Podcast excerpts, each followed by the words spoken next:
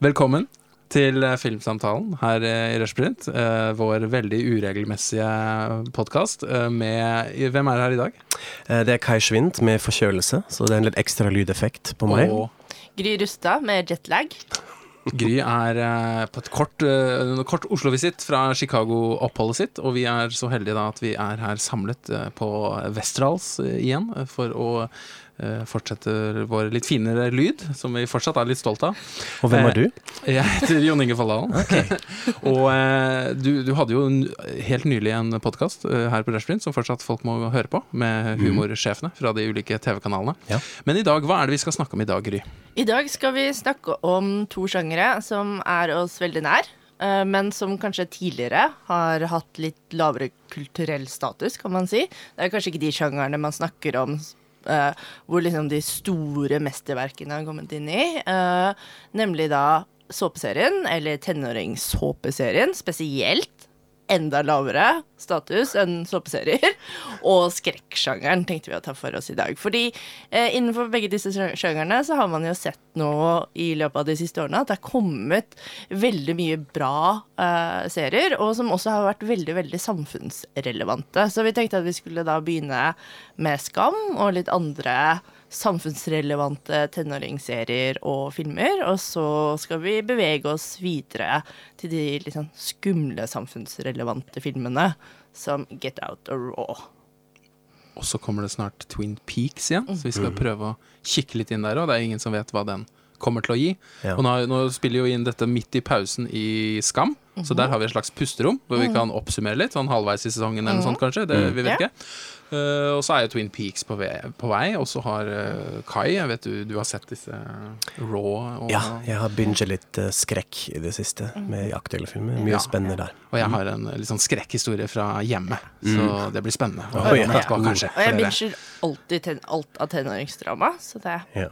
Ja, du, du ser det meste, som vanlig. Fortsetter en veldig god sånn track record av slags sånn vegg-til-vegg-teppe-TV-seng. Ja, jeg prøver, men det er veldig vanskelig nå, da det er litt for mye TV. Ja, det var lettere før. Ja, Da det var et par, tre, fire kanaler, og du kunne Ja. faktisk se på. mens nå er det liksom 500 scripted serier som blir produsert i USA. Jeg, jeg er det er jo mulig. Hvordan får du det til? Altså, jeg, er fortsatt utrolig, jeg har et sånt bilde at du har sånn fem-seks skjermer parallelt på Kai, hjemme hos deg. jeg har deg. ikke noe liv. Ja, stemmer, det var det. Ja, Så du ser da 18 timer i døgnet, så er det TV, og så er det søvn. Og så kan man jo spise mens man ser på TV. ja. Og Så Gry klart, da er rekker du, Og en, så, da rekker du jo hele Twin Peaks-sesongen. Ja. Det er 18 nye episoder som kommer på ett døgn, faktisk. Dusje mens man ser på TV, kan man da. Ja. Og det som er enda imponerende, at Gry har noe Det må være det første fag eh, om skam som fins. På, På Universitetet i. Oslo. Ja, Til høsten. Det er påmelding nå tidlig i mm. juni for de som hører på. Meld seg på til dette emnet som Gry skal holde. Mm. Eh, du, det er derfor du er i byen nå, fordi du holdt et eh, slags teaser-foredrag. Ja, på UiO-festivalen på lørdag. Kanskje du kunne sagt, kan bare begynt litt kort. Hva, var hva, hva vil dette emnet gå ut på? Eh, Eh, Det kommer til å handle om Altså, store sekken er digitale fortellinger, og dette semesteret, og kanskje et semester til, så kommer faget til å handle om skam og webserier, og hvordan man kan fortelle serier på weben, og hvordan man kan bruke på en måte webens logikk da, for å skape nye måter å fortelle historier på. Og det er jo det Skam er så utrolig godt eksempel på, er jo hvordan de utnytter webens logikk for å fortelle denne historien. ikke sant? Skam blir jo fortalt i sanntid, eh, den blir fortalt gjennom videoklipp, messenger, chats, eh, YouTube, en egen YouTube-kanal og Instagram-updates. Det er vel kanskje det nye denne sesongen? Denne YouTube-kanalen ja, til ja. eh, Hey Briskeby-gjengen. Og det er vel også kanskje det som bransjen er veldig opptatt av. Liksom knekke den koden som Skam tydeligvis har klart å. Ja. knekke. Hvordan får vi de unge med, uh, og på sosiale medier og alt det, og hvordan påvirker det innholdet osv. Så, videre. Mhm. så jeg vet det er mange som sitter, mange manusforfattere, og prøver å, å naile dette. Hvordan kan vi få det til på samme måte? Så nå kommer det til å komme en lang periode med mange feilede kopier. Er det det, Det- du Det, Det tror tror jeg. jeg. Jeg har jo faktisk sett, altså hvis vi begynne nå å se litt på hvordan sesongen ser ut. Jeg har også sett på Boys, eh, Ja. svensk eh, TV, som jeg oppfatter som en stor forsøk å kopiere Skam-konseptet. Jeg vet ikke om dere har sett uh, den? Nei. Nei, jeg har ikke sett den. Uh, med han Adam Paulsen, uh, som jeg kjente fra 'Tørke aldri tåra uten håndskar'. Eh, Jonas Gardell-filmatisering. Og det er også korte episoder, altså Boys nå, sånn kvarter, maks 15 minutter, som handler om to, to gutter som bor i Stockholm, eh, og prøver å ha den samme autentiske sounden i språket og det som skjer. Men det er et eller annet off med det. Eh, Den har fått mye kritikk også, at den akkurat ikke det, nemlig autentisk. De virker litt sånn Det skal være sånne hipstergutter og um, Det er et eller annet uh, litt fake og litt konstruert med hele konseptet. De virker på en måte ikke som ekte mennesker. og det er jo det som Skam for det meste har klart veldig, veldig bra. Jeg har sett Bortkod. Det er en Ja, annen sett svensk litt av, ja. eh, Mhm, tenåringsserie. Den var ikke så verst, men den bruker jo ikke denne um, fortellingsmåten da, som Skam gjør. Det er bare en webserie med sånne korte episoder som Ja. kom, ble sluppet fast til fast tid hver uke. Det er vel dette innblikket i karakterenes egne handlingstråder utenom de levende bildene, som gjør jo Skam veldig interessant som uh, Den serien Spung, som gikk for sånn uh, 15-17 år siden på SVT, de hadde noe av dette. Eh, hvor de, man kunne gå inn og se på eh, hjemmesiden, kalte man det vel da, spillelisten og sånt, til karakterene. Hva slags musikk er det de hører på, og den slags. Eh, som ellers var en tradisjonell serie, men du kunne gå inn og se på Jeg tror det var en slags dagbok, dagbokfunksjon der òg. Så det finnes jo andre eksempler på det tidligere. Men eh, vi hadde jo en podkast om Skam midt under sesong to, tror jeg, Gry. Ja. Ja. Så det er en stund siden vi har snakket om det her. Eh, og du har jo ikke vært med og snakket om Skam før. Nei, jeg Kai. må jo komme med en disclaimer. Og jeg Ja. har faktisk bare sett sesong tre og nå fire. Jeg har ikke Ja. sett de første to. Ja. Uh, tok jo litt tid, og jeg hadde en, noen merkelige reservasjoner. Altså, jeg har en sånn tendens å være litt late to the party med, med sånne ting. Men jeg, jeg syns eh, Vi har jo snakket mye om det selv, at det var et eller annet sånn merkelig hvorfor jeg skulle engasjere meg for det. Det føltes som trespassing. Det, det er til folk som er 16-17-18, og hvorfor skal jeg se på det? Hva var det som fenget deg i sesong tre? Ja, og det, det, jeg fikk det jo in my face, fordi var, jeg ble jo skikkelig gripet av hele historien. Og det var selvfølgelig Even og Isak sjarmoffensiv. sjarme- Altså, det funker jo eh, utrolig bra, og jeg var da mest, egentlig mest imponert av skuespill. Og eh, det er også et eller annet som jeg bare kom på nå, egentlig mest i, i fjerde sesong, at mange amerikanske, generelt popkultur, og, eh, men også spesielt eh, tenåringsserier, de er så utrolig chatty. Det er så mye dialog, det er så mye prating. Ja, Dawson's Creek. Ja. ja. Alle snakker sånn finpusset, replikkete, manusbasert. Og det liker jeg egentlig best, at det er så mange pauser her. Det er mye stillheter og mye blikk og litt sånn tenking, og så tar man seg rom for det, og så kommer det en SMS, så må vi lese den. Og, altså det det syns jeg er mest behagelig, egentlig, en sånn rytme til, til det hele. Ja, de unge skuespillerne improviserer jo uh, mye uh, dialog selv også. og Ja. Mm. Gjerne i begynnelsen av scenene og utgangen av scenene.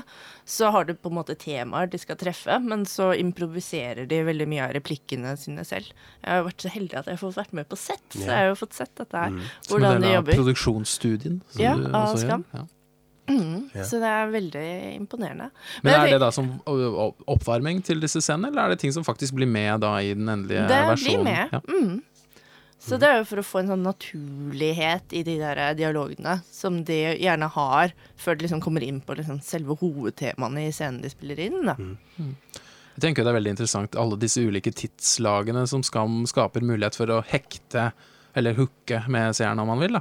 Eh, mellom, altså Nora kan jo sette nesten punktum mellom noen ord hun sier. altså Det er nå én ting, at man kan bli hektet mellom pustene i, i en enkelt replikk. Og så har du jo selvfølgelig mellom alle bilder, chatter, scener, Ja. episoder. Og så har du selvfølgelig mellom sesongene og alle disse stedene hvor man bruker disse såpeknepene med cliffhangers eh, på en så utrolig effektiv måte. Fordi du også ikke vet at du kan ikke tune in tomorrow, for du vet ikke om det skjer noe. Men det, er, det er en usikkerhet om når det skjer noe, og hva som skjer.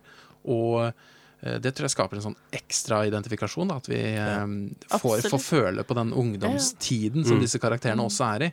Og det tror Jeg noen eh, Jeg har sett noen sånne små klager i noen sånne fora nå om at denne fjerde sesongen er litt langsom og litt kjedelig, og det skjer jo ikke noe Sana. Hun har liksom så, litt sånn kjedelig liv på et vis. Men jeg syns det er en veldig god måte universet nå har tilpasset seg hennes blikk, og det er eh, hun, hun avgjør ting mye kortere. Altså, Da hun fikk denne venneforespørselen fra Josef, så bruker hun fem sekunder på å svare ja.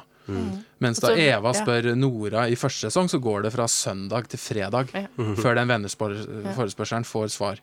Så de bruker da ikke seks dager, men fem sekunder. Og det, er, eh, det sier veldig mye om den karakteren, tenker jeg. At vi blir satt inn i Sanas Ja. eh, Og hun brukte jo virkelighet. like lang tid på å avvenne Josef også. Ja, og det ville jo Eva eller Nora Ja. brukt kanskje en- en del episoder på i de sesongene. Så jeg syns hele tonen, stilen, eh, henvendelsesformen også tar på seg holdt på å si, klærne til hovedkarakteren. Da. Og det Jeg identifiserer meg personlig veldig mye med denne Sana-karakteren. Denne flinke, strenge ungdommen, flink pike som skal gjøre ting riktig og være fokusert og sånn. Ja, jeg har Um, veldig problem med å uh, identifisere meg med Sana. Men uh, Ja. nå har jeg aldri vært en sånn flink pike Hvorfor heller. det? Nei, ikke sant? Du er mer sånn vimse, litt sånn som Eva og Isak, kanskje? Ja, ja, ja. Hvor jeg har Ja. masse feil og mangler og plumper uti med ting og driter på draget. Bæsjer på leggen, heter det kanskje. Ja. Men kan Så- du holdt på å si, fantasere deg inn i denne Nei, jeg, og jeg tror jeg aldri har hatt eh, behovet for å være det heller. Og det syns jeg er jo interessant med Sana. Altså jeg tenker, altså Skam sin funksjon, sånn som de liksom fant ut at Skam skulle være, var jo å lære ungdom selvironi og humor. Og liksom ikke ta seg selv så høytidelig. Uh, og da tenker jeg at uh, liksom, den ultimate Skam-karakteren er jo Jente-Chris. For hun er jo ikke Skam. Og hun tar seg selv i hvert fall ikke høytidelig. Men Sana er kanskje den som er den, liksom, den mest ekstreme motsetningen til Jente-Chris. Eh, som kanskje ikke er så god til å le av seg selv ennå, da. Så jeg blir, er veldig spent på hvordan reisen kommer til å ta Sana videre. Jeg har sånn to ting akkurat da. Så jeg er enig med deg, Jon Inge, at jeg syns det var behagelig å se at tematikken snudde litt i, mer i denne hverdagen. Altså, hvor jeg faktisk tenkte ah, nå blir det litt kjedelig her, men det er fint. Jeg er ikke så interessert i denne russebussdebatten og hvordan man får det til, og Pepsi Max-gjengen, og hvor dyrt det. er eh, Men det, det syns jeg var fint, fordi jeg tror det er det som den opprinnelige målgruppen er veldig opptatt av. Og det er litt sånn spot on, en observasjon hva de prater om, og hvordan man prater om. Så jeg syns det føltes fint at jeg ble litt sånn ut. Nå må du Det er ikke f- noe for deg. Og disse uh, kulturspaltedebattene nå, Uh, hvor jeg er veldig litt sånn fascinert av hvordan denne serien håndterer dette. Altså, det er så mye Det er litt sånn Saurons eye-blikk på dette. Det er så mye Det er så oppladet av denne representasjonen. Og da har jeg en ting til som, som fascinerer meg litt, og som jeg faktisk syns er litt slitsom At eh, du, du nevnte det med selvironi, at, det skulle la, at man skal slappe litt mer av og litt sånn motjobbe denne flink pike-syndrom. Det gjør de til en viss grad, men jeg syns også at det er noe veldig sånn idealiserende, uh, litt naiv med, eh, med serien. Altså det Når jeg tenker på sesong tre, når Isak kommer ut til Jonas, og det, denne benksekvensen, og så svarer Jonas på den absolutt ideale måte som en bestevenn burde håndtert dette. Eh, hvordan man har diskusjoner om islam og muslimer nå i fjerde sesongen, er litt sånn, virker nesten som det skal, sånn skal det være i et opplyst samfunn. Og jeg må virkelig si jeg falt litt av når eh, det ble Imagine karaoke i siste episode. Jeg ble litt kvalm av det. Det var for mye for meg. Men var det ikke fint at de sloss litt etterpå, da? Ja, det var faktisk litt fint. Helt, helt annet. Jeg trengte litt Ja, du fikk med deg de seks litt- minuttene etterpå? Ja, sånn- ja, det gjorde jeg. Jeg klarte Ja, ja, det at det blir blod, litt altså. blod og litt friksjon, fordi jeg tenkte oi, imagine, seriously. Altså, det, nå er det for Men akkurat pent. den scenen du nevner med denne komme ut av Ja. subtile, det er jo bare tatt fra virkeligheten. Det var en av de som ble intervjuet som fortalte Ja. at det var akkurat en sånn reaksjon han fikk fra sin venn. Ja, Så den, sikkert. den idealvirkeligheten, den eksisterer jo da faktisk. Ja, ja. Så det er klart, da er det ett eksempel som plukkes opp som en slags forbilde. Men det er en del av tenker jeg, den folkeopplysningstankegangen, det kringkasteransvaret om at man skal gi ungdommen faktisk Ja. det de trenger. Da trenger de, eh, tenker jeg, både det idealbildet også av Ja. Imagine, men vise den slåsskampen etterpå. Og jeg, jeg ble berørt, jeg. Jeg, Ja. liker, Ja. jeg er en sånn tosk for sånne ballader, holdt jeg på å si. Og Nei, den, det- den er jo spilt i hjel, John Lennons sang, men Ja, nå hørte jeg den igjen for første gang på mange Nei, år. men jeg har det jo også, altså Jeg syns det var så merkelig, fordi jeg gråt i Love Actually når Emma Thompson får uh, ikke den gaven hun skal av mannen sin, å gå opp på rommet og gråte. Der gråter jeg hver gang hver jul. Så jeg er også en sucker for den type sentimentalitet, men da var det noe jeg tenkte dette er så utenfra. Hva har denne aldersgruppen med Imagine og John Lennon å gjøre? Hvorfor synger hele salen nå? Altså, det var bare rett og slett for mye, og en sånn rød tråd som jeg føler går gjennom alle de sesongene. Jeg har sett at dette, sånn skal det være. Uh, og jeg, jeg savner litt sånn friksjon og ting som går til helvete og blir Men det mørkere. gjør jo det også. Veldig stor grad. Altså, William slo en fyr i hodet med en flaske. Nora Ja. klarte ikke å, å eh, vitne mot broren til William. Uh, Mm. Det skjer jo utrolig mange sånn kjipe ting også. Ja, spesielt også i de to første sesongene som Ja. du ikke har sett. Og det er ganske spennende når du leser disse karakterene, eh, for du har ikke sett dem så lenge, verken som bikarakterer eller hovedkarakterer. Du ser jo nå Nora Nora har du jo bare sett gjennom blikkene Ja. til eh, Isak og Sana. Eh, det er jo en av de Kanskje et av de mest spennende nybrottene til Skam er jo nettopp det der perspektivskiftene, at man ser Ja. Absolutt. eh, ikke sant, Den Nora man får presentert gjennom Det det er Eva i sesongen, såpe, er såpeserietankegangen, er jo dette med perspektivisering. Så det, det er vel egentlig ikke bare skam, da. Nei, men det er ikke så Eh. tydelig at man har én sesong Det er vel ikke Nei, sånn, så vidt ikke. jeg vet, at én Ja. sesong av Dallas var den karakteren, og så Nei. så vi alle de andre gjennom blikket. Nei, nei. Fordi Nora vi ser i første sesong, hun er jo ikke Nora som en kompleks karakter. Hun er en statisk karakter, eller en udynamisk kul, karakter. ja, ja. Hun er bare kul, og hun er bare tøff og streng. Og så ser vi henne som seg selv så godt det lar seg gjøre. Hun får en karakterfordypelse gjennom sesong to, og så er hun tilbake i en sjablong. Isak ser henne bare som en sånn sutresofa, Ja.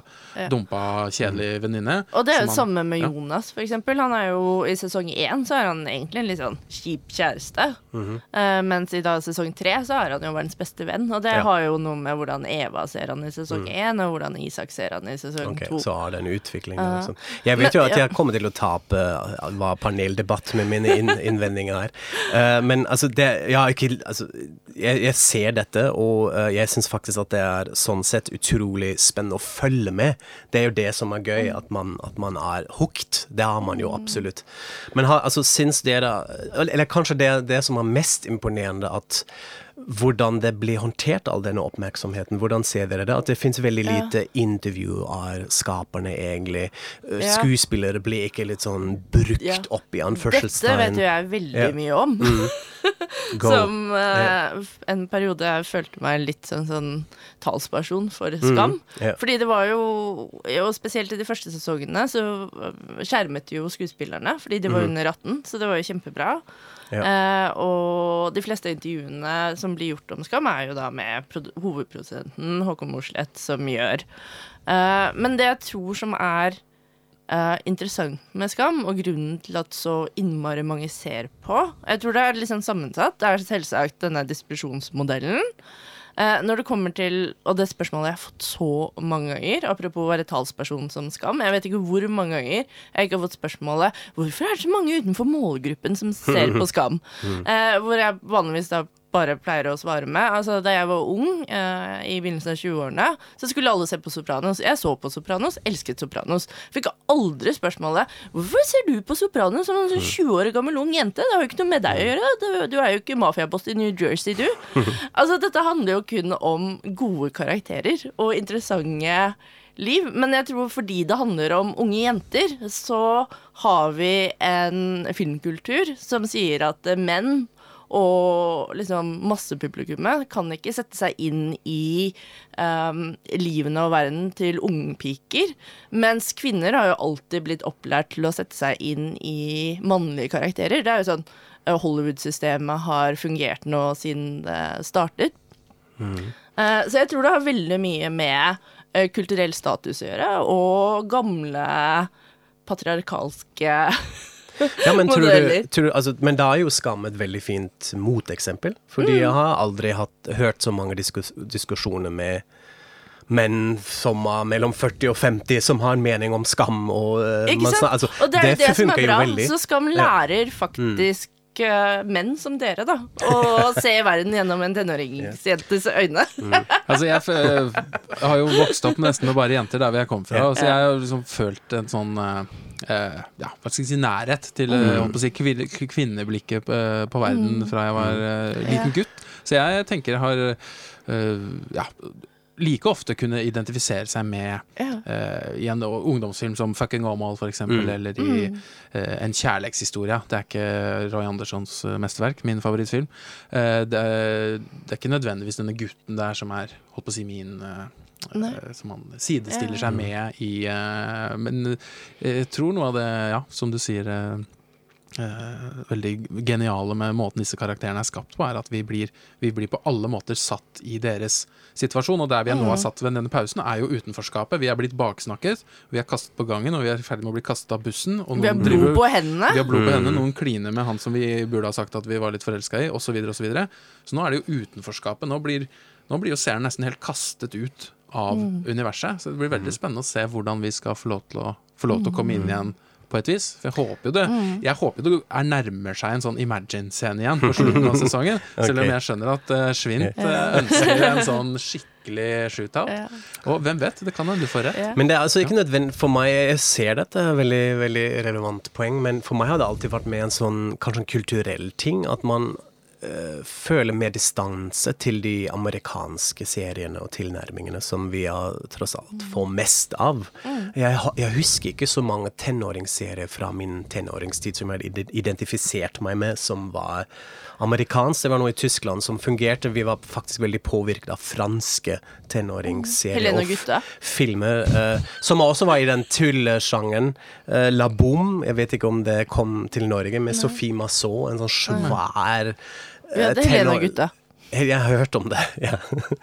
Jeg så Eh, ikke på det. um, så det er, det er noe der med denne Ja. lokalisering og den nærheten, og det er jo absolutt det som er så fascinerende å se på Skam og bo i Oslo.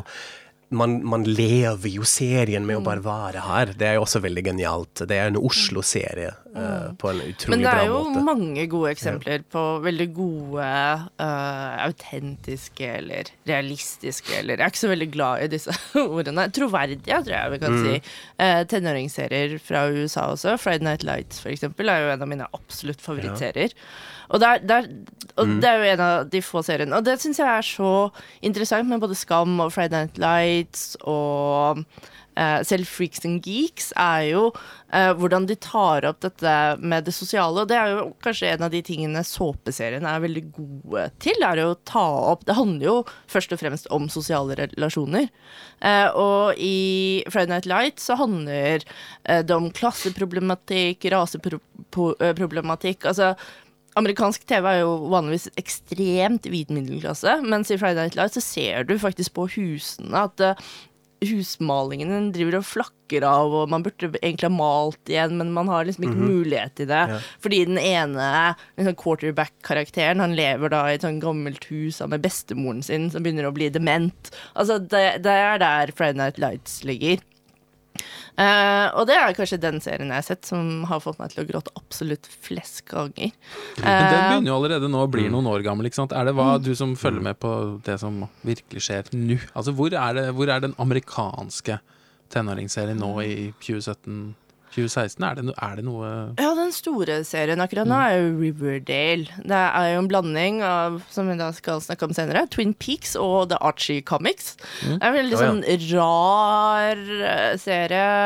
Veldig sånn surrealistisk. Masse tenåringsdrama.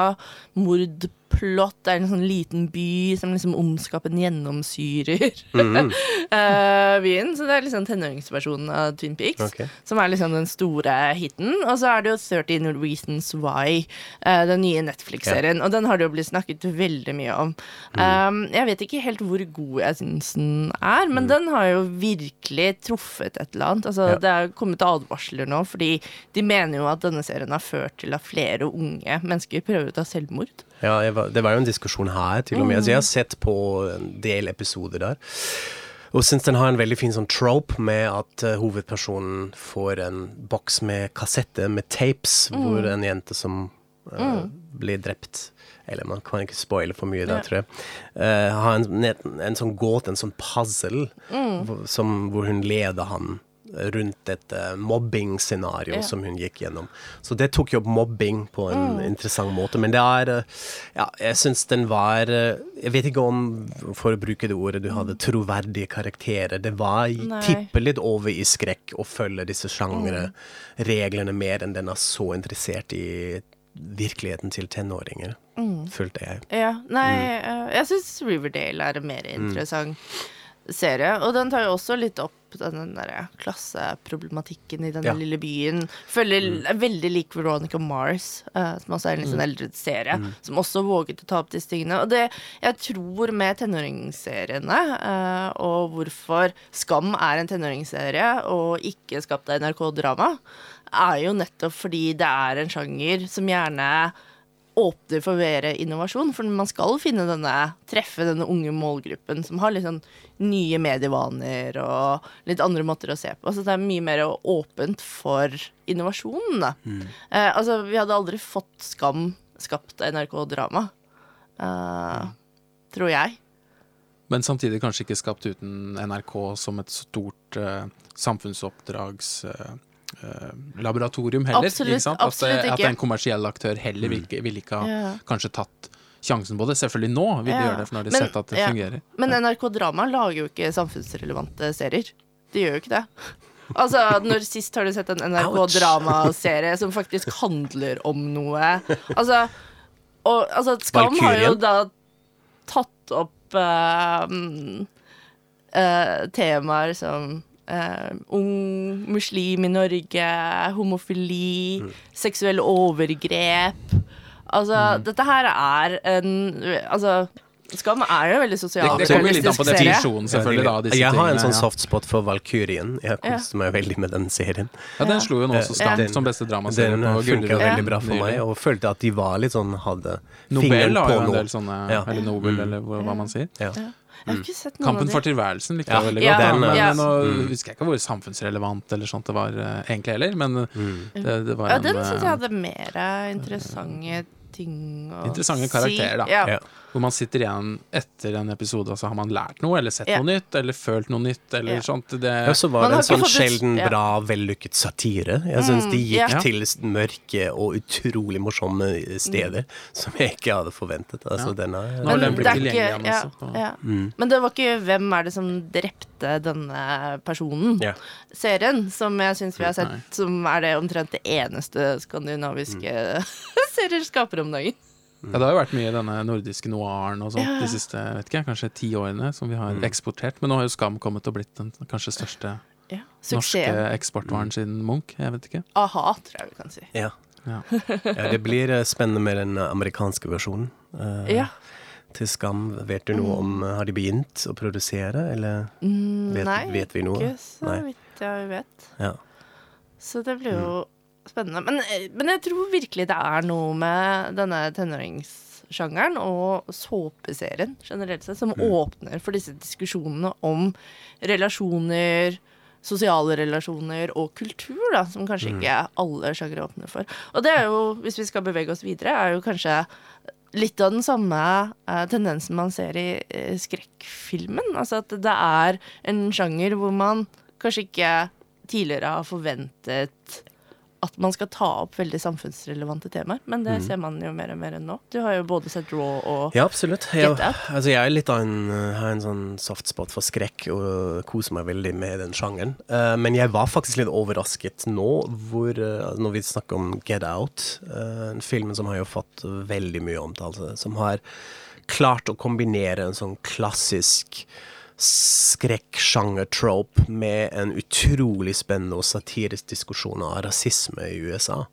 Uh, Og jeg vil tillegge klasse. Klasse, ja. Men det er jo den store dilemmaen uh, i den debatten. Uh, hva handler om rasisme, og hva er klassetematikken? Men den, det tar filmen opp veldig veldig Det er vel en slags tematikk som er to be continued i amerikansk historie. Absolutt, Ja. ja. Og jeg er fast Stadig Altså, jeg er litt i sjokk i anførselstegn at den filmen blir lagt. Jeg lurte på hvordan de klarte å pitche dette. Eh, og den, eh, den funker veldig, veldig bra, og har utrolig fin satirisk blikk på et sånn upper white middle class liksom-toleranse. Eh, nå er det vanskelig å spoile, uh, vi skal vel ikke gjøre det. Men uh, det, det er noe av det mest relevante jeg har sett som en kommentar, hvordan situasjonen er der. Mm. Spesielt i Trump Den går på kino nå. Ja. Den går fortsatt på, på kino, absolutt. Og på en annen måte, altså blikk på Europa, syns jeg var Raw. eh, franske filmen til eh, Julie Ducano, tror jeg hun het. Sikkert skrudd av det navnet. Eh, som også er veldig flink med å ta opp uh, et sånn blikk på fransk uh, samfunn. Og igjen litt et sånn flink pikesyndrom-problematikk via uh, subsjangeren kannibalismeskrekk. som er veldig interessant. Altså en ung jente som begynner på en sånn veterinærmedisinsk høyskole. og er beinhard vegetarianer, og så skjer det noe under disse hazing-strafferitualer som studentene må gjennom, og hun ble tvunget til å spise innvollene til en kanin. Og plutselig ble hun bokstavelig kåt på kjøtt, og så eskalerer hele den situasjonen. Og den er veldig morsomt, fordi den gjør en, det er en sånn kroppsliggjøring av den debatten. Hun oppdager sex og alkohol og fest og kjøtt. Eh, samtidig som det sier noe om det samfunnet hvor folk bokstavelig begynner å spise hverandre. Uh, og den har klart å gjøre meg så kvalm som ingen film før. Uh, jeg vurderte faktisk å gå ut. Men altså, det var så vellykket, når jeg tenkte shit, jeg så det på en formiddag. Jeg vet, jeg, ork- tror jeg orker ikke dette. så, det, så jeg har sett mye skrekk, og øh, har egentlig ikke noe problem med det. Men akkurat det er, et sånn, det er så deilig når en film slår igjennom på den måten. Så øh, Raw, absolutt å anbefale. Det er jo sjangere begge disse to som på en måte går rett i reptilhjernen eller et eller annet sted, Ja. hvor vi ikke tenker og Absolutt. intellektualiserer, Ja, ja. hvor du såpeserien så kommer tårene uten at du vet, eller du Føler, kjenner ja. gåsehuden Ja. kommer, eller du får det i magen, eller det gjør vondt. eh, Mm. eh, disse kroppssjangerne er vel mm. omtalt i filmvitenskapen ja. som. Men det er så fint å se at man har en Det er så mye variasjon i skrekk nå. At vi har på en måte all denne retro-greie som kommer ny versjon av Stephen Kings It. eh, Og at disse gigantiske, store skrekk-franchises, samtidig at du har med en sånn indie-vei inn med, med disse filmene. eh, Så det syns jeg er veldig fint. Men det jeg syns er interessant, og de tre tingene vi har snakket om til nå, da, så har man en kvinne, en farget mann og en kvinne. Altså, det er jo utenfor det, det utenforskapet. Altså, det er jo ikke de man tenker på som vanligvis lager film og TV-serier, som hovedsakelig vel er hvite menn. Um, så det kan jo også hende at det har noe med at disse menneskene altså, Det er Jordan Peel, ikke sant? Og denne franske regissøren og Julie Andem. Det de tar med seg, er et nytt blikk på ting. Eh, og det er det som gjør det så nytt og friskt, og oppleves som noe annet da, enn det man kanskje tidligere har sett. Det var litt nylig et intervju med en Jill Soloway som lager Transparent videre, ja, hva man skrev, Six Feet Under og sånt, som snakket om uh, protagonism, som jeg syns hadde et fint begrep om at protagonism is privilege. Altså det er eh, Man må ta øh, Hvis man først skal være med på da, at protagonist er noe som man godtar, det er jo en slags diskusjon i seg selv. Er det, er det bra at noen anses som protagonist, er viktigere enn andre osv. i fiksjonsuniverset? Men uh, når det privilegiet blir da overtatt av en uh, lesbisk kvinne eller en uh, svart mann eller en ung jente i Oslo med hijab, så kan det være en måte å ja, ta den plassen da, som man Ja, til, gi mandat, som, man, sånn. som man ikke har fått, men Ja. som man må ta, og så videre, Ja. selvfølgelig, i en øh, litt sånn Og jeg tror også det er lettere for disse stemmene å nå opp i disse sjangerne vi nå igjennom i de sjangerne vi snakker om også, enn de veldig sånn høykulturelle, seriøse sjangerne. Mm. Som det kanskje er mye lettere å slå igjennom da, som liksom, mann med litt pondus. Ja. Men så er det også fint å se at alle disse sånn marginaliserte protagonister faktisk har suksess. At dette er suksessfilmer. Get Out var en stor suksess. Eh, Skam, selvfølgelig. Og at de som gir penger, ser OK, det, For det er noe som det. fungerer. Sånn man trenger Kynismen må også være med. Ja, ja, ja. Ja, og som vi snakket om forrige gang, altså Moonlight vant jo Oscar. Mm. Mm. Eh, så man ser en endring, og det er fint, men det kommer gjerne liksom fra andre steder, virker det som, sånn, enn man kanskje vanligvis forventer. Da blir det jo kanskje spennende uh, å se hvordan en sånn eh, gammel mester som David Lynch klarer seg nå med Twin Peaks-fortsettelse. Ja. Ja. Eh, hvordan er det plass for ham? Hvordan kommer det å fungere nå? For Ja. verden har jo forandret seg ganske Ja. mye fra 1990 til 2017. Og det som var sånn mega sightguides og forsiden av Time og New York Times og det viktigste TV-serien noensinne, og alle snakket om kaffe og cherry pie og disse tingene der. Eh, på en måte så, så kan det jo ikke, det kan jo ikke Man får ikke gjentatt suksessen, så det er jo kjempetøft gjort. At, eh, så det, han eh, Frost og Lynch må jo ha en eller annen idé de faktisk ønsker å utforske kunstnerisk, og sammen med Kyle MacLachlan og Laura Dern og sånne kjente lunsjskuespillere. Hadde det ikke vært gøy eh, hvis man liksom begynte satte seg ned med Twin Peaks, og så kommer liksom introen, og så er det bare en tekstplakat 'I did it for the money'. Ja, og så er det 18 episoder med den tekstplakaten. Yeah. Ja, for det har jo ikke blitt sluppet, det er kommet noen små teaser-trailer-bilder og sånt, men har jo fått sett veldig lite. Og egentlig har jo, kan man jo si at Lynch nå lanserer det litt sånn som uh, Julian Dem lanserer Skam. At alle får det på en gang, og ingen presse får se det på forhånd, og det er bare rett til fansen. Det er den sånn nye strategien uh, som både da har fungert for Skam, som en helt ukjent serie, og for sånne størrelser som Beyoncé og de som er kjente, eller Radiohead, som bare kan plutselig slippe noe, og så Ja, ja. får man det ut. Så vi vet jo ikke noe om det eh, enn så lenge, i snakkende stund. Når du hører på dette, så har det kanskje serien begynt å gå.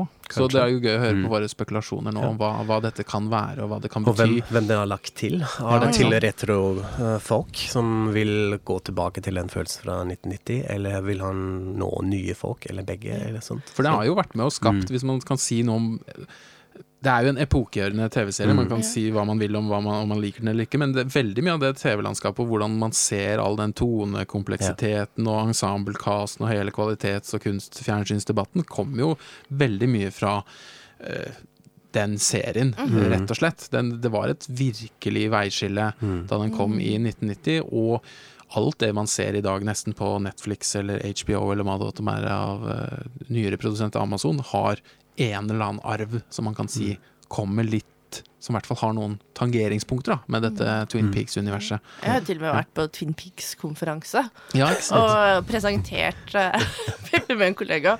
Og da var min innfallsvinkel at jeg ikke likte Twin Peaks. Det var jo kjempepopulært. Ja, litt Ja, som når jeg skal være med Og på hva var eh, kulepunktene for begrunnelsene? Eh, min, altså det vi gjorde, var en litt mer sånn eh, opplevd, kontakt, kontekstualisert måte å oppleve serier på. Altså min kollega Mona Pedersen, hun så jo Twin Peaks da den kom ut i 1990. Og da var hun samme alder som meg da jeg så den ti år senere. Så jeg så den jo veldig sent, da. Eh, og jeg husker veldig godt Jeg var i begynnelsen av 20-årene, og da hadde jo liksom denne HBO-bølgen av serier begynt å komme. Det hadde liksom Sopranos og The Wire og Deadwood, som er veldig sånn samfunnsrelevante serier. Jeg så den i en helt annen verden. Altså det her var etter 11. september. Eh, det var ikke den derre kanskje litt mer naive, postmoderne verden lenger. Eh, og, og derfor føltes eh, Twin Peaks for meg eh, ganske tom. Altså, jeg syns det var fantastisk flott stiløvelse. Eh, det var masse Altså denne surrealismen, denne nostalgien som er så kjennetegnende for postmodernismen, ikke sant? Eh, som gjennomsyrer Twin Peaks. Um, men for min del så Altså Hvis du sammenligner eksempel med The Wire, da, så handler jo Twin Peaks om veldig lite. Altså samfunnsrelevant. Det tror jeg du har helt rett i. Mm. Men jeg tenker at Lynch egentlig hele sitt kunstnerskap jobber i en annen slags tidsrytme enn Mm. uh, oss andre. Han er ikke en politisk uh, filmskaper, han har ingen samfunnskommentarer i universene. Det handler om Han identifiserer seg jo med Cocteau, og Ja, det er surrealismen og surrealisme. eh, en sånn presentasjon av det, mørke i menneskesinnet, Mm. sett fra sånn perspektivet til en eh, speidergutt som Mm. egentlig er veldig opptatt av å være holdsom og Mm. eh, en skikkelig uh, Som har kjempet med sine demoner og gått til meditasjon og forsøkt å og få det ut gjennom kunsten òg, kan man si. da Så jeg, jeg tenker den derre Men det fungerte Ja. jo, kan jeg tenke meg, veldig godt på 90-tallet. Men sånn etter 11. september så var det kanskje vanskeligere for meg bare vil omfavne det, på samme måte. Mm. Jeg har sikkert. Jeg husker den første episoden jeg så, da var jeg tror jeg kanskje 15. Uh, begynnelsen av 90-tallet. Og det som jeg Det som slo meg da mest, var hvor jævlig skummelt og creepy det var. Altså den måten, en sånn helt ny uh, vernacular av creepiness. Uh, og den, det lurer jeg veldig på også nå, hvordan dette funker nå, med denne updaten. Hvor dette nesten har blitt en parodi, hvor det har blitt parodiert så mye selv. Dette. Vi har litt sånn slow motion og en dansende dverg og, og uh, litt sånn Altså, det, det har blitt parodiert så mye. Ja. hvordan klarer han å finne en ny vei inn? Altså, vi har jo Archie Twin Peaks nå, i Riverdale, yeah. som vi snakket om. Så det blir jo veldig spennende å se hvordan det fungerer med Sightguist i dag, da. Eh, I en verden som føles som at den går i stykker omtrent. Ja. Uh, om det fungerer like godt i dag. Jeg tror kanskje Hvis en skal treffe noe nå i dag, så må det jo være kanskje, i hvert fall i den amerikanske debatten, kanskje denne uh, Denne agenten, uh, Cooper, den liksom ordentlige, skikkelige, litt sånn blide, fascinerte 'Å, det er ender på Å, dette var god kaffe', eller 'Å, dette var god pai'.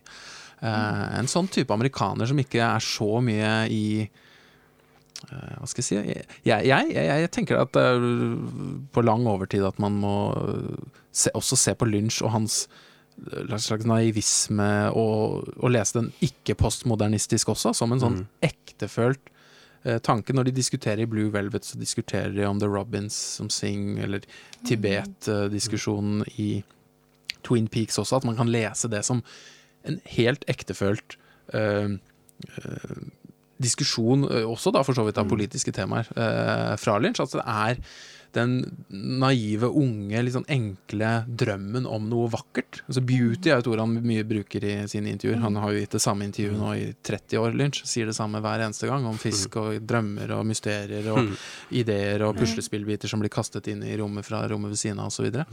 så har man sett ett Lynch-intervju, så har man vel eh, lest de alle. Men jeg tenkte på uh, Jeg snakket med noen venner. Uh, The Music Box i Chicago har hatt en sånn lunsjretrospektiv nå i forbindelse med at Twin Peaks kommer ut. Og da hadde de vært og sett uh, Blue Velvet. Og, og det er et eller annet med sånn Lynch og Tarantino-fanboys. Eh, og begge de går jo litt for å være liksom disse postmoderne filmskaperne. Og da var det også igjen, og dette opplevde jeg også da jeg så um, den siste Tarantino-filmen, hvor du har disse fanboysa som sitter og ler kjempegrått hver gang det er vold mot kvinner. Eh, så jeg har også lurt på hva er det med forfatterskapene til disse regissørene som åpner for den derre råe, mannlige latteren ha-ha-ha, nå banker de opp eller voldtar kvinner. Som er veldig ubehagelig. Spørs om du får noe godt svar på Ja, akkurat for oss. på akkurat Nei, jeg prøver å tenke på Jeg er enig med Tarantino. Jeg har hatt samme opplevelsen uh, på kino. Uh, jeg er ikke så sikker om lunsj kommer fra samme sted. Men uh, det skjer, da. Ja. Altså, det Ja. er i kulturen. Så har man de derre Vi kaller det jo bro-cinema. Altså Ja. Og det er, det er reaksjoner som ikke Skam åpner for, eller Get Out åpner for, Nei. eller Raw åpner for, tror jeg. Det er det med blikk igjen. Altså Ja. At man har åpner for et annet blikk. Men i Blue Velvet så har du jo, vi har jo denne kikkende mannen, ikke sant. Mm. Uh, Kyle MacLachlan igjen, som er jo en stor kontrast. uh, et annet slags mannlig Mm. forbilde enn uh, Dennis Hopper, som er den råe, voldelige Mm. Ødipus-kompleks-rapisten. Mm. Uh, som jeg, jeg tenker det er ikke um, uh, Dette er vel også Lynch svart på i mange intervjuer, også at dette er så fort det er en kvinne som eh, blir gjenstand for en handling i en film, så leses det ofte som en representant for alle kvinner, og det er synet på kvinnen til da også denne som har skapt dette verket. Mm. og svaret til Lynch på den type spørsmål er at nei, dette er en kvinne i akkurat denne situasjonen, som er, responderer på akkurat denne konteksten. Og eh, Så man kan jo snu argumentet litt om og si at det faller litt på en sånn urimelighet med at man begår den samme feilen ved å generalisere eh, det blikket. Men det er klart sånne faktiske, empiriske tilfeller av at han på rad 17 og han på rad 20 lo akkurat når noe skjer i en kinosal, det er jo eh, en annen side av saken. Ja. Og det her er jo noe jeg har snakket med masse kollegaer om, og alle har på en måte opplevd disse situasjonene. Um, så nei, det er kanskje noe å forske på. Ja, eh, det lukter doktorgrad, ja. dette der. Ja, Det ser ut som du må sette deg litt i kinosalen også, Gry, og sitte litt på bakerste benk og notere hva som skjer eh, blant publikum. Jeg gleder meg til å lese den ja. artikkelen. Kanskje vi må Ja. alle bidra. det var helt ja. Da jeg så den siste Tarantino-filmen, eh, det var helt utrolig absurd. For jeg var Mm. også i den Det var jo Storesalen på Cinemateket, og det var nesten bare menn der Mm. i salen. Og alle lo så godt, altså. Når eh, Men er det, var det veldig forskjell på den kjønnede volden? Eller var det at du la merke til at det var For det er jo veldig mye vold mot menn der også. Ja, nei, det var, eh, det var stor forskjell, ja. Det var okay. mm. Så det er interessant. On that note Det er jo litt uhyggelig. Eh, jeg, jeg lovte jo i stad en sånn eh, liten historie fra, som var på Twin. Peaks-relatert, eh, for å ta den kort, fordi som forberedelse til å skulle jobbe noe og skrive og snakke om den og sånt. Så så jeg på den sent en kveld, en natt, hjemme med høretelefoner i stua i mørket. Første episode av Twin Peaks, originalserien. Og akkurat da det skumleste skjer, der panoreres tilbake, og vi ser Bob, og mor skriker, og det er en sånn Munch-aktig urskrik, og gåsehuden står allerede. Så ser jeg ute i gangen, og der står min eh, fire og et halvt år gamle datter, helt urørlig. Plutselig. Der skulle hun ikke vært. Hun skulle jo vært i senga, selvfølgelig, men hun hadde mareritt og sto helt stille, som en slags sånn eh, The Ring-aktig liten uh, Omen-barneskrekkfilm-sjangerkarakter, som kommer ut av mørket. En veldig sånn urscene, egentlig, fra Lunsj-universet. Så da jeg får litt sånn gåsehud av å snakke om det nå. Eh, Skrek men, du? eh, Nei, jeg gjorde ikke det. Jeg måtte Nei. samle meg. Så Ja. Man får jo papparollen i Mm. sjokket. Sånn, ok, eh, har du mareritt? Ja, greit. Tilbake i senga. Eh, men det var, jeg synes det var et veldig godt eksempel på den derre hva, hva TV-media eller videomedier, altså det man ser hjemme eller på en laptop, eller i Mm. hvert fall tradisjonelt har vært inne i stua eller soverommet.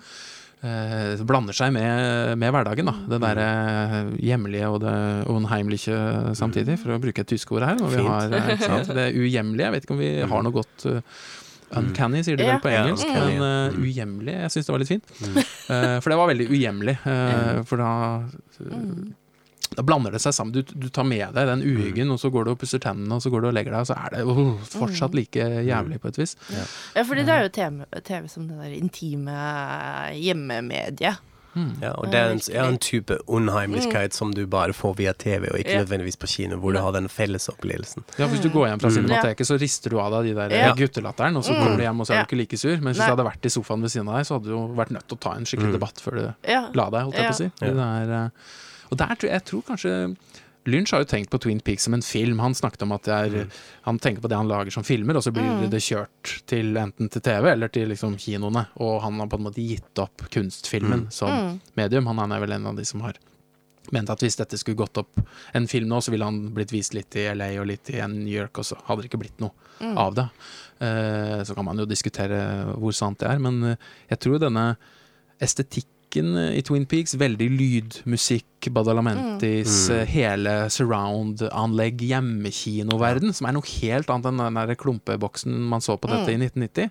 Og at hvis det klarte å treffe publikum da, og få dem til å skvette i sofaen, så tror jeg at det er store muligheter til å kunne engasjere hvis, hvis det ligger en sånn uh, narrativ eh, Kanskje ikke en sånn who done it, at det er en sånn who killed en eller annen eksperson, Mm. men et eller annet som eh, så, så, så tror jeg kanskje det kan bli en sånn eh, årets eh, Ja. TV-greie, rett og slett. Jeg har litt trua, da. Nå er jeg stor Lynch-fan òg. Ja, jeg gleder meg, og jeg håper Ja. det òg. Og kanskje det Ja. fins en mulighet å kombinere akkurat den estetikken og den stemningen med en litt mer sånn samfunnsrelevant kritisk vri, som sier noe politisk om USA. Og jeg kan tenke meg at det kan være et sånn ace up his sleeve, uh, hvordan han kommer inn med dette. Jeg er også veldig spent. Jeg tror det blir must see TV. Det Mm. tror jeg vi alle kan være enige om. At dette her er must see, must see TV. Ja. Mhm. Og så skal det komme tror jeg, fire episoder allerede på 22. mai på, i løpet av samme døgn. Så da blir det jo lagt mange kabber ned i, av Log Lady Ja. i nye kosten. Og apropos skam. Det er jo Nora, Nora sin eh, eh, handle på Instagram. Hun er jo loglady99. Ja. Og hun driver vel og spiser noe gulrot i denne lille teaseren om Ja. at de er tilbake i 22. mai. Ja. Så det er da det skjer, da. Ja. Vi må sørge for at denne podkasten når, deg- når dine ører uh, innen eh, 22. mai. Da, blir det, da er det sånn Twin Peaks mot skam. Mm. Og Yes. kanskje de, de vil jo sikkert kommentere det og universet. ikke sant? De vil sikkert komme noen chatter fra Loglady om at uh, Nå er Skam Nå er det- tilbake. Nei, nå er eh, Twin Peaks tilbake. eh, for Skam har jo vært veldig gode til å, å bringe egentlig 90-tallets Mm. eh, populærkultur til eh, Jeg selv har begynt å høre mye mer på hiphop igjen, Mm. Ja. som jeg Og- gjorde veldig lite av i Ja. ungdommen. Men, Og apropos det, det var kjempemorsomt, fordi på Paradise Hotel så hadde de Skam-uke. Og Skam-del- eh, Skam-karakterene ser jo på Paradise Hotel. Så de hadde faktisk en liten chat om at de var kjempeforvirra over Paradise Hotel den ja, de skjønte ikke en dritt, var det ikke det de skrev? Ja, det var veldig meta, meta, meta. Veldig meta. Så det kan jo være en slags sånn oppsummerende eh, hva skal jeg si, sammenfletting av alle de Ja. mediale tingene vi har snakket om i dag. Vi, Ja. vi, vi lovte i begynnelsen at vi skulle snakke om såpe og og tenåringsserier, og Tror vi har klart det meste. har Ja. eh, Mhm. gjort det. Nå har vi holdt på en stund, tror jeg, og snakket. Så hyggelig at du har hørt på oss. Uh, vi kommer tilbake en gang igjen. Plutselig. Uh, da er det kanskje med Gry på Skype eller noe sånt, fra mm. Chicago enn så lenge. Eh, skal vi takke for oss, og så Snakkes vi? Det gjør vi. Høres vi? Vi høres. Ha det. Ha det bra.